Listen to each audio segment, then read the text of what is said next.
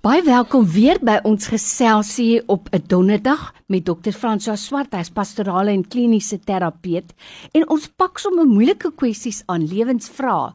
En ons hoop dat ons iewers in ons geselsie by 'n plek gaan kom waar ons vir jou kan help om te kies. En ons wil hê jy moet sê ek kies lewe.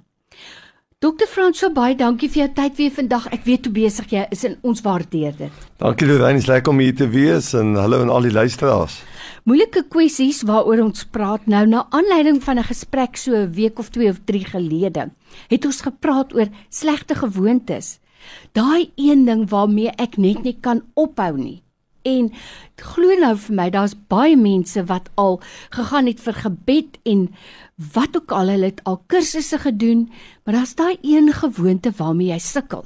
Dis nie altyd nou net byvoorbeeld van 'n middelafhanklikheid nie, soos rook of drink of so nie. Daar's ook ander gewoontes soos byvoorbeeld naalsbyt, hare uittrek, bekommer, sê iemand vir my. So dokter Frans, kom ons vra net eers gou vir mekaar. Is dit so nadelig om 'n gewoonte te hê wat jy nie kan afskud nie? Ja, ek dink hierdie is 'n baie belangrike vraag en ek hou ook van die onderskeid wat jy maak dis die substansieafhanklikheid wat ons al voorheen gepraat het en slegte gewoontes. Maar eh, Lorraine wat belangrik is vir ons almal is ons praat met mekaar op die oomblik ons gebruik die radio as 'n medium om ons ore te gebruik om met mekaar te kommunikeer.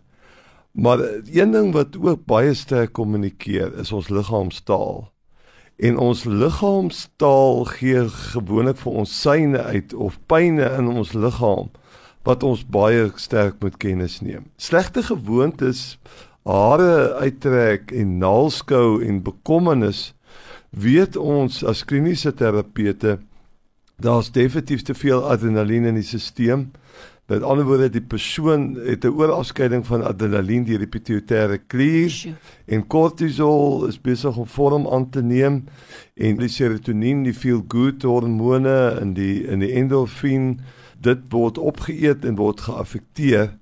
En baie keer naalskou is 'n slegte gewoonte en hare uittrek, maar ook op die psigiatrie is daar 'n woord ook daarvoor. Dit is 'n slegte aanwensel. Jy, jy werk net met verplaaste soort van kommunikasietegnieke om te probeer cope.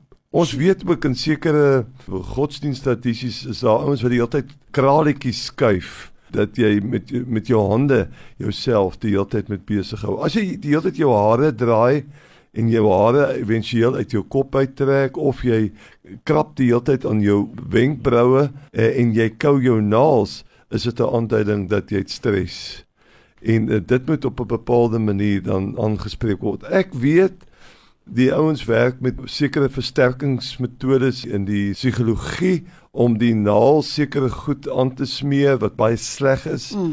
en dan uh, kou jy dit en dan maak die brein 'n nuwe breinpaadjie oop. Dit is sleg om daar te gaan om jou naels te kou. Maar ek sou persoonlik wou sê as jy aanhou om dit te doen om jou hare as te ware uit jou kop uit te dra, jou kopvel te dra en jou naels te kou.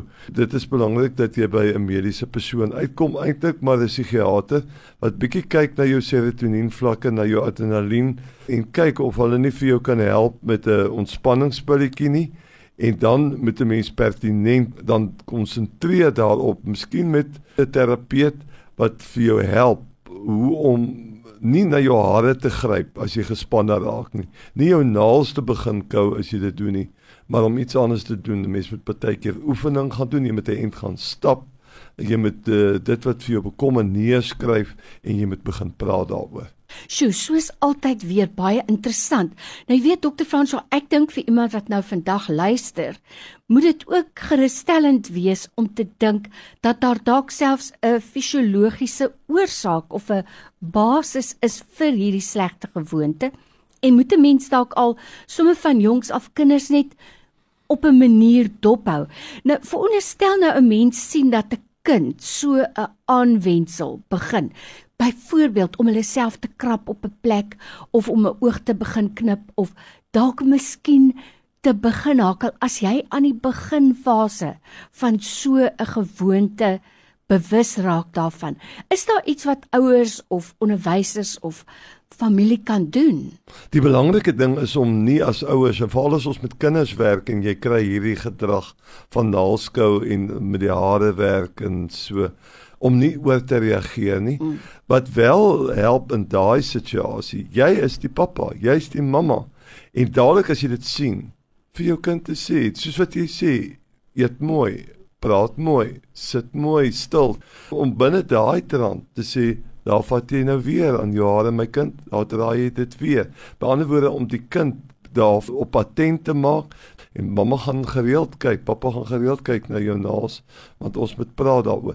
Dis ek dink met kinders kan 'n mens eers begin deur net om hulle daarop patent te hmm. maak mm. sonder om noodwendig dan nog na 'n professionele persoon toe te gaan. Ja, en belangrik dan, ek dink seker belangriker nog is die manier waarop jy dit doen. Dat dit nie nog meer stres op 'n kind laai nie, nê.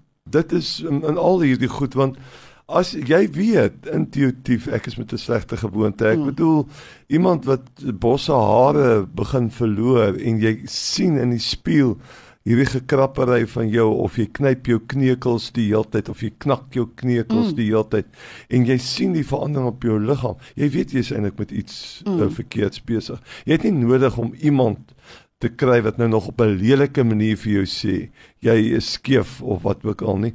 En ek dink baie met simpatie oorkom maar nie op 'n lelike manier nie. Sjoe, dis nou wyse woorde by my in die ateljee vandag weer is dokter François Swart.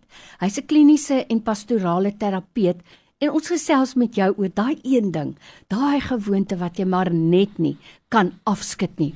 Ten slotte, Jy het terself gesê dat dit gaan dalk nodig wees selfs om professionele hulp in te kry. En dis vir my belangrik dat jou beginpunt is maar die huisdokter en van daar af kan jy nou verwys word. En dan wil ek net ten slotte vra, so as iemand nou op daai weg begin gaan, wat op die ou einde wil 'n mens bereik? Wat is jou einddoel daarmee om met terapie te begin? Uh, interessant rondom gewoontes afleer. Mense wil nie meer rook nie, hulle hulle wil nie meer drink nie, hulle hulle wil nie etiek sê nie. 'n Tegniek wat baie keer gebruik word in die terapie. Dis maklik om vir 'n persoon te sê jy moenie dit doen nie. Jy moenie dat doen nie. Maar die die geheim is as jy met mense werk is om te sê is daar nie iets anderste wat jy in die plek daarvan mm, kan mm. doen nie.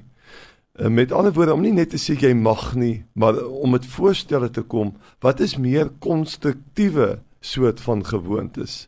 Dis eh, om iets in die plek daarvan te sit. Dit is belangrik. En ek sou wil afsluit oor rein vanmiddag. Ek dink ons moet eerlik met mekaar wees. Ons is ook maar geneig om slegte gewoontes baie keer aan te leer. Mm. En uh, ons mm. moet ons moet bereid wees om dit in die oog te kyk mm. en en en te erken dit is 'n slegte gewoonte. Ek gooi te veel suiker in my koffie mm. en ek moet nou daadwerklik iets doen. Dis 'n slegte gewoonte het ook te doen met dissipline en uh, dat jy ferm is met jouself en jouself beloon as jy dit kan oorwin.